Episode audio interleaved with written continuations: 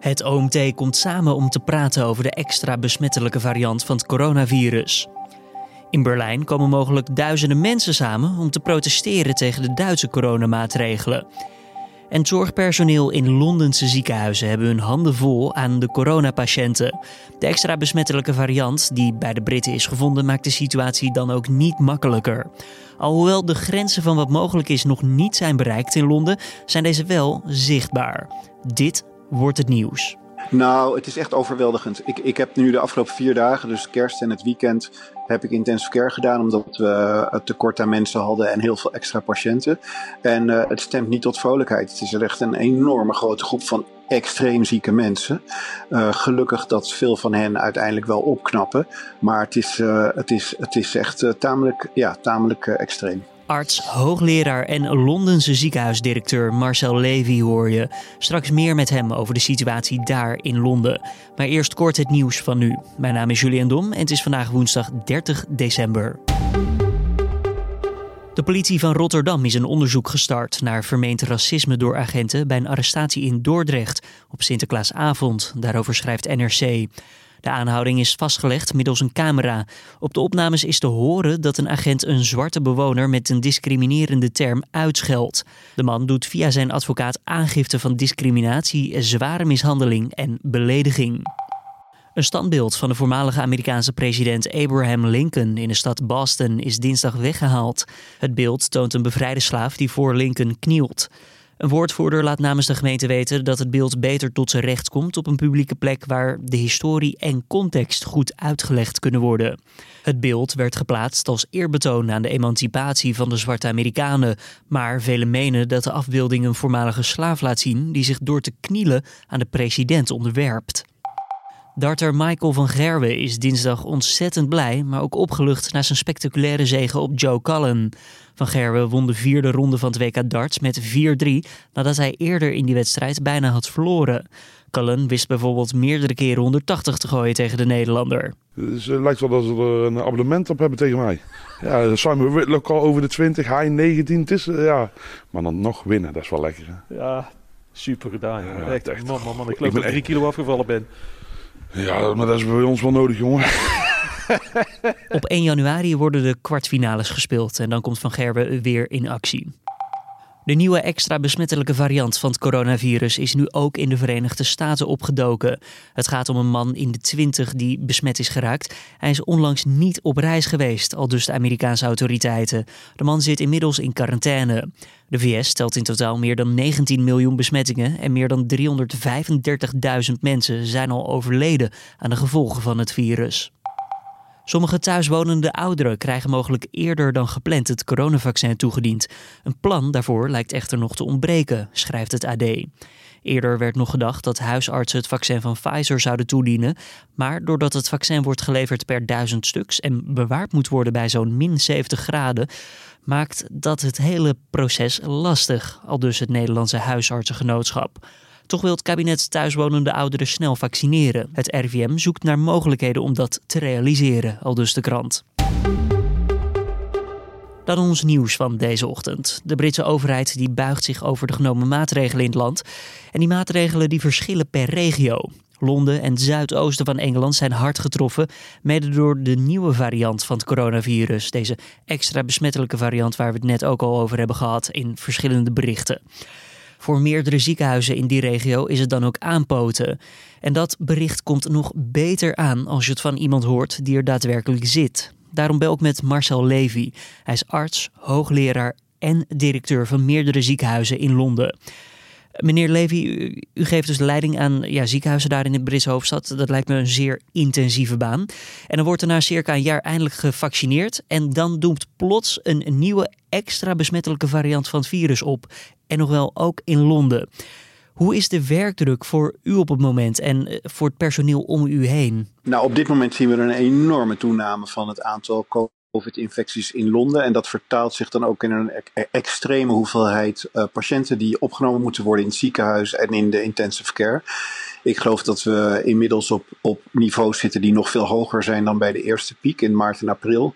Dus dat is heel erg intens. Um, of dat nou komt door die nieuwe variant is eigenlijk nog steeds onduidelijk. Want er zijn nu wel robuuste data dat um, die nieuwe variant mensen niet zieker maakt of dat ook niet dat die dodelijker is. Er wordt gesproken over dat die nieuwe variant meer besmettelijk zou zijn.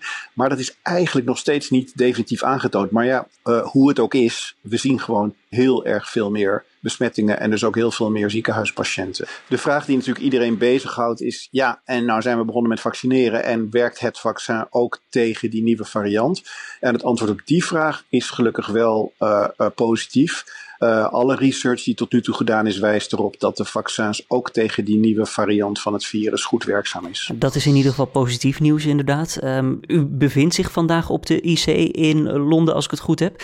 Ja. Uh, welk gevoel krijgt u als u daar door de gangen loopt? Nou, het is echt overweldigend. Ik, ik heb nu de afgelopen vier dagen, dus kerst en het weekend, heb ik intensive care gedaan, omdat we het tekort aan mensen hadden en heel veel extra patiënten. En uh, het stemt niet tot vrolijkheid. Het is echt een enorme grote groep van extreem zieke mensen. Uh, gelukkig dat veel van hen uiteindelijk wel opknappen.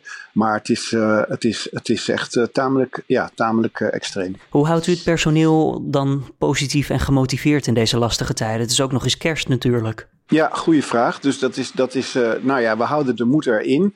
Dus we, we besteden veel aandacht aan ondersteuning van het personeel, ook mentaal. Uh, ja, er wordt veel ook door mensen onderling steun verleend aan elkaar. Uh, we houden voortdurend sessies uh, aan het begin en aan het einde van de dag om even stoom af te blazen. Um, en ik moet heel eerlijk zeggen dat uh, uh, nu we ook op grote schaal, zeker de mensen in de frontlinie, allemaal uh, gevaccineerd hebben of, of, of, aan het vaccineren zijn.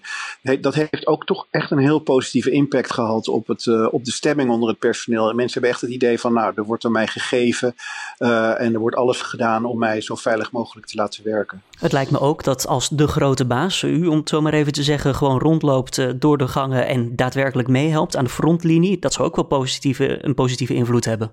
Ja, daar krijg ik veel positieve feedback op. En dat is natuurlijk prettig. Maar dat is, uh, ja, ik ben gewoon een dokter en er zijn gewoon dokters nodig. Dus ik heb ook echt, dat is dus niet de reden om het te doen. Uh, de reden is gewoon ja, dat, het, dat het zinvol is. Maar het heeft een positieve impact op, op alle collega's. Uh, verpleegkundigen, artsen en alle anderen die op dit moment uh, ja, heel hard aan het werk zijn. Wat merkt u van de strengere lockdown die is ingevoerd in de regio Londen? Uh, ziet u daar de effecten van ook in het ziekenhuis? Nee, eigenlijk nog heel weinig. Um, maar ja, dat kun je ook niet verwachten, want die regels zijn eigenlijk pas, uh, nou wat is het, een dikke week geleden ingegaan. Um, en dus het aantal infecties zie je nog niet echt afnemen. Dat verwachten we dan ook pas over een week. Um, en dan zie je ook pas weer een week later je effect op je ziekenhuisopnames en intensive care behoeften. Dus dat is, uh, ja, dat heeft nog helaas nog weinig effect. Dus nog een week flink aan de bak, zegt u eigenlijk? Ja, dus alle modellen en projecties voor wat het waard is, hè, maar die we tot nu toe zien, wijzen erop dat, uh, dat we nog een weekje lang um, ja, flinke toename van de aantallen gaan zien. Nou, dat, dat is echt wel, nou ja, het benadert een beetje een crisis. Uh, want op een gegeven moment zijn je bedden gewoon echt op. En in sommige ziekenhuizen is dat al het geval. En er zijn ook ziekenhuizen waar gewoon ook de zuurstof echt bijna op is. Dus het is, um, nou, we zitten een beetje aan de grens van wat je kunt doen. Maar we zullen nog minstens een week um, ja, uh, flink door moet sappelen. En dan hopelijk gaan de getalletjes een beetje omlaag. Ja, daar zegt u wat. Uh, nog minstens een week. En ja, we zitten al redelijk aan de limiet wat we, wat we aankunnen daar in Londen. Is het haalbaar om nog verder door te gaan? Want ja, zelfs nu het vaccineren is begonnen, ja, het einde is nog niet in zicht natuurlijk. Nee, nee, nee, nee. Dus het gaat een pittige maand januari worden. Dat durf ik wel te voorspellen. Ja, ik weet je, ziekenhuismensen zijn altijd hartstikke goed in toch weer de grens een stukje opschuiven, toch weer improviseren, toch weer ergens uh, extra capaciteit genereren. Um, ja, en dat, uh, ja, we zullen alles uit de kast moeten halen de komende periode om uh, ervoor te zorgen dat we iedereen die zich meldt, ja, goede, goede zorg kunnen bieden. Bent u ervan overtuigd dat het ziekenhuis of de ziekenhuizen waar u aansturing aan geeft, nog wel de zorgkwaliteit kunnen bieden die ook als ziekenhuis hoopt te kunnen bieden? Nou, op dit moment zeker wel. Maar je ziet dat het systeem toch een beetje begint te piepen en te kraken. Dus de ziekenhuizen die ik coördineer in, in, zeg maar, in de binnenstad van Londen, die zijn allemaal vrij modern en die hebben goede faciliteiten en veel ruimte en zijn uh, ook qua personeel wat ruimer voorzien. Maar als je wat meer naar de naar de buitenwijken van Londen gaat, dan kom je ziekenhuizen tegen met veel minder infrastructuur. Waar inderdaad bijvoorbeeld ja, met zoveel patiënten in het ziekenhuis die allemaal zuurstof moeten hebben, waar de grens van die capaciteit in zicht komt. En dan zie je ook dingen ontstaan die je eigenlijk liever niet wilt. Bijvoorbeeld dat ambulances uh, toch voor de poort van het ziekenhuis even moeten wachten voor ze hun patiënt naar binnen kunnen brengen, omdat het vol is. Uh, en dat zijn natuurlijk toch situaties die risicovol zijn en die probeer je ten alle tijde te voorkomen. Is daar voldoende communicatie en samenwerking voor op het moment of ligt daar ook nog veel te winnen? Nee, de samenwerking communicatie, daar ben ik heel erg over te spreken. Dus we, we, we bellen elkaar op alle niveaus. Um, zeker twee keer per dag. Dus dat is zowel op het niveau van, van de ziekenhuisdirecteuren, maar ook gewoon de intensive care hoofden en ook de spoedeisende hulphoofden. En we houden elkaar goed in de, uh, op de hoogte. En als dan bijvoorbeeld zo'n opstopping van ambulances dreigt te gebeuren in een van de ziekenhuizen, dan, dan kunnen we ook zeggen van nou tegen de ambulancedienst van nou daar moet je even uh, uh, nu de komende drie uur niet naartoe. En kom maar naar ons, want wij hebben nog wel capaciteit. Dan ja, over die nieuwe variant die dus nu rondgaat, merkt u dat de werkzaamheden voor u en het personeel zijn veranderd op korte termijn nog in het ziekenhuis? Um, niet echt. Um, dus eigenlijk doen we nog steeds wat we deden. Wat ik wel merk is dat het, um, uh, het ziekteverzuim onder uh, de medewerkers toch weer flink aan het oplopen is.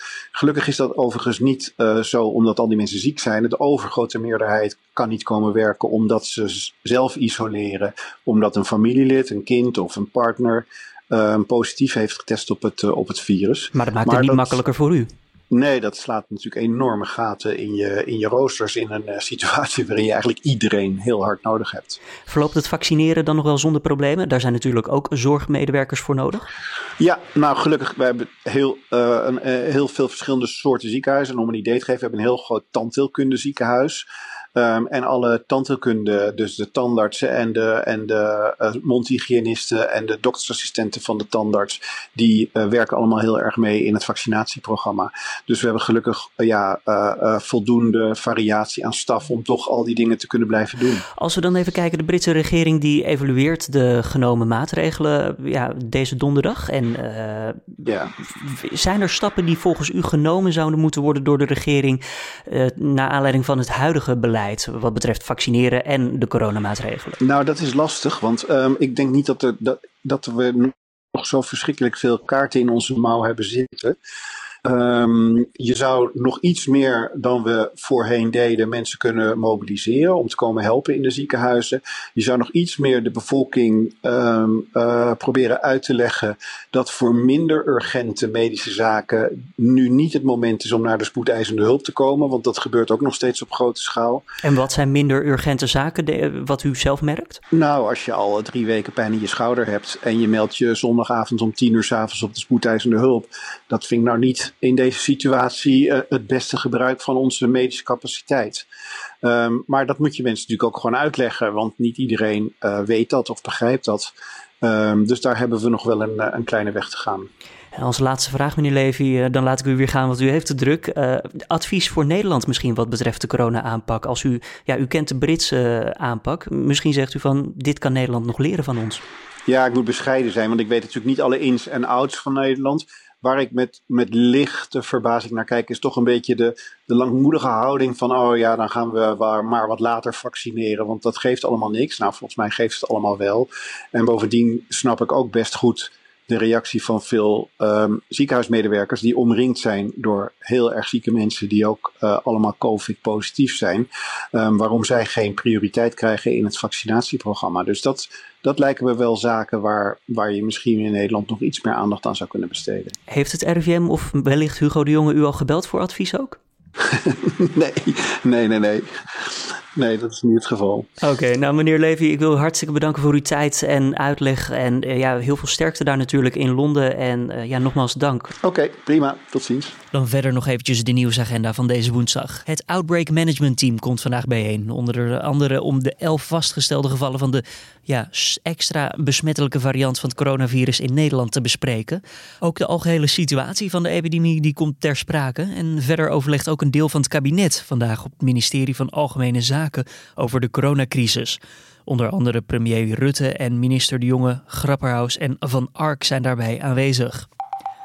Het ziekenhuis Sint-Jansdal in Harderwijk sloot gisteravond de deuren voor nieuwe patiënten, omdat de spoedeisende hulpafdeling helemaal vol zat met coronapatiënten. Het ziekenhuis liet weten dat in ieder geval tot 10 uur deze ochtend de deuren gesloten blijven. En ondanks dat Europa gebukt gaat onder de besmettingen en dat ziekenhuizen overal vol dreigen te lopen, zullen naar verwachting enkele duizenden mensen in Berlijn actie voeren tegen de Duitse coronamaatregelen. De demonstratie vandaag is officieel verboden, maar dat heeft eerdere manifestaties ook niet tegengehouden. In Duitsland werden dinsdag nog 852 nieuwe doden gemeld als gevolg van COVID-19. Voor het weerbericht hier Raymond Klaassen met de vooruitzichten van Weerplaza. Ook vandaag is het weer een dag met veel bewolking. Voor de zon is nauwelijks tot geen ruimte. Het wordt wel iets zachter dan de voorgaande dagen, want de temperatuur kan oplopen naar zo'n 5 tot 7 graden. Wel valt er verspreid in het land een aantal buien.